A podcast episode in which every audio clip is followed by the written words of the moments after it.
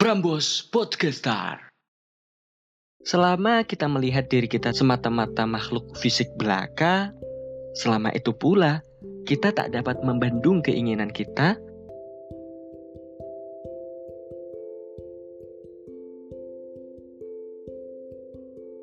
Ada yang menarik dari cerita Bill Gates, tapi bukan masalah perceraiannya ya, tetapi di sisi lain dari humanismenya. Ada seseorang yang bertanya kepada Bill Gates, "Adakah orang yang lebih kaya darimu?" Lalu Bill Gates menjawab, "Ada, tapi hanya satu orang. Bertahun-tahun yang lalu, waktu aku miskin, aku pergi ke bandara New York. Aku membaca surat kabar yang digelar di sana. Aku tertarik pada salah satu surat kabar tersebut. Aku ingin membelinya. Ternyata koinku tidak cukup.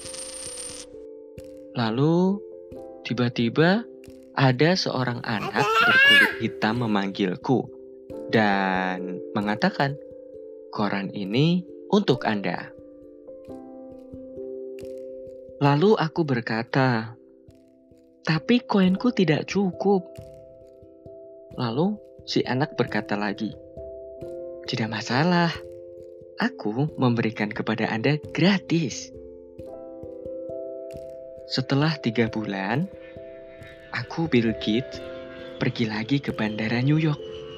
Secara kebetulan, cerita itu terjadi lagi. Dan dengan anak yang sama, memberikanku koran gratis. Aku bilang kepadanya, aku nggak bisa menerimanya. Terus dia berkata, aku akan memberimu keuntungan dari apa yang telah aku lakukan. Setelah lewat 19 tahun, akhirnya aku kaya dan aku memutuskan untuk menemui anak itu.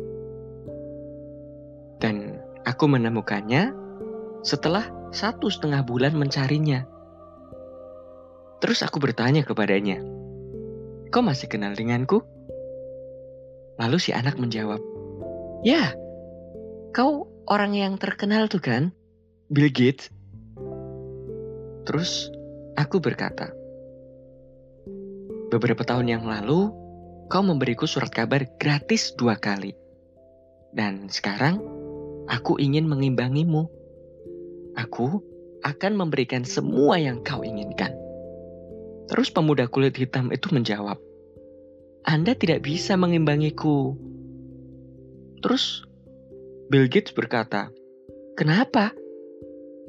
Lalu pemuda tadi berkata, karena saya memberi Anda ketika aku miskin. Lah sedangkan Anda sekarang sudah kaya. Jadi, bagaimana Anda bisa mengimbangiku? Tentu cerita itu menarik ya.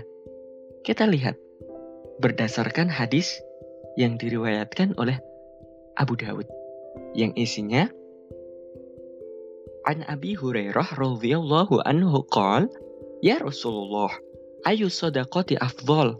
Qala judul mukil wa beda biman ta'ul. Artinya, Abu Hurairah bertanya, Wahai Nabi, manakah sedekah yang lebih utama? Kemudian Nabi menjawab, sedekah yang paling utama adalah sedekah maksimal, artinya mempersungguh ketika orang yang tidak punya dan mulailah dari orang yang kamu tanggung. Bill Gates bilang, kurasa pria kulit hitam itu lebih kaya dariku. Kita tidak harus menunggu kaya untuk memberi, karena adalah lebih berbahagia memberi daripada menerima. Cerita si tukang koran dalam cerita itu adalah orang-orang yang patut dijadikan teladan bagi jiwa-jiwa yang berorientasi pada kemajuan spiritual. Memang tidak diketahui namanya, tidak bisa ditanya alamatnya, ataupun tidak bisa juga ditemui orangnya.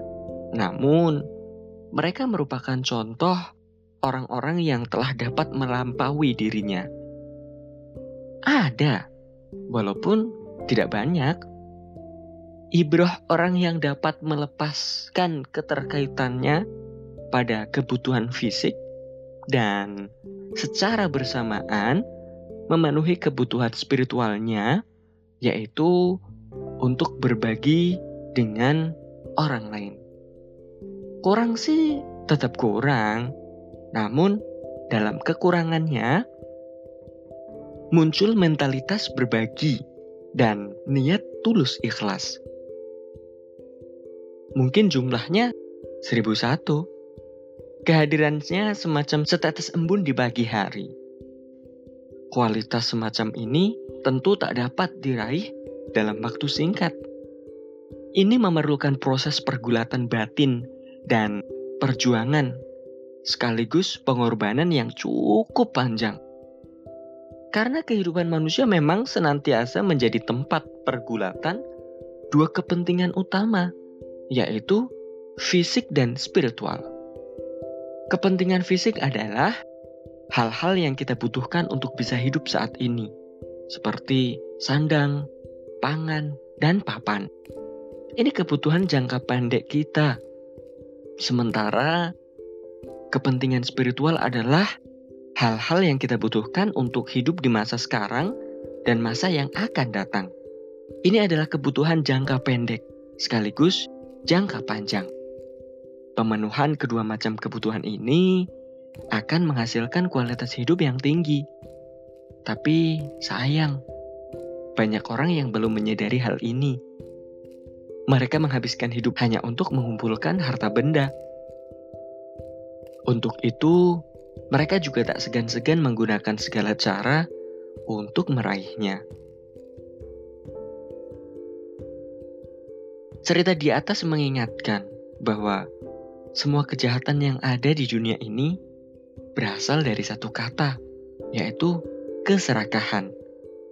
Dan akar keserakahan tertumpu pada cara pandang kita terhadap hidup ini. Selama kita melihat diri kita semata-mata makhluk fisik belaka, selama itu pula kita tak dapat membendung keinginan kita untuk mengumpulkan harta benda sebanyak-banyaknya. Namun, Begitu kita sadar bahwa kita bukanlah makhluk fisik, tetapi makhluk spiritual, perubahan dramatis akan terjadi. Kita adalah makhluk spiritual untuk selama-lamanya. Sebelum muncul ke dunia, kita adalah makhluk spiritual.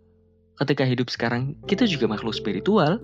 Dan ketika kita meninggal, kita tetap menjadi makhluk spiritual. Saat ini saja, kita dipinjami bentuk fisik sebagai rumah bagi ruh spiritual.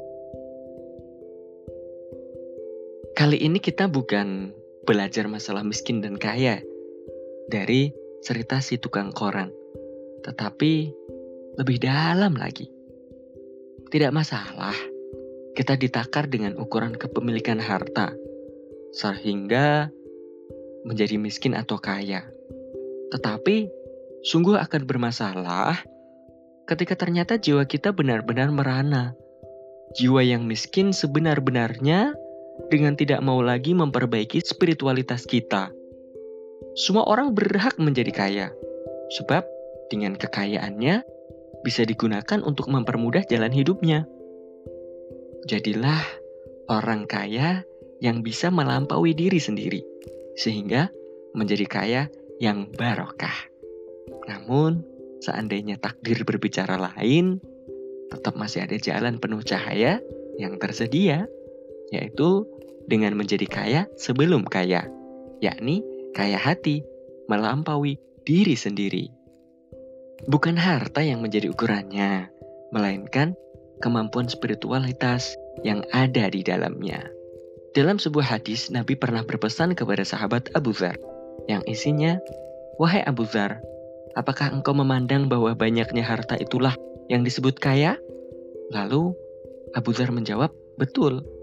Lalu Nabi bersabda, apakah engkau memandang bahwa sedikitnya harta itu fakir? Lalu Abu Dhar berkata, betul Nabi. Lalu Nabi bersabda, sesungguhnya yang namanya kaya adalah kayanya hati, yaitu hati yang selalu merasa cukup. Sedangkan fakir adalah fakirnya hati, yaitu hati yang selalu merasa tidak puas. Dalam hal ini, ada tips untuk meraih agar kita menuju spiritualitas yang efektif, yaitu adalah berpuasa. Karena dengan puasa, kita akan sadar bahwa kebutuhan kita sebetulnya sangatlah sedikit. Berpuasa juga akan menyadarkan kita bahwa dengan mengurangi kenikmatan fisik kita, kita akan mendapatkan kenikmatan spiritual yang luar biasa. Dengan berpuasa, kita keluar melampaui diri rendah kita menuju diri kita yang lebih tinggi.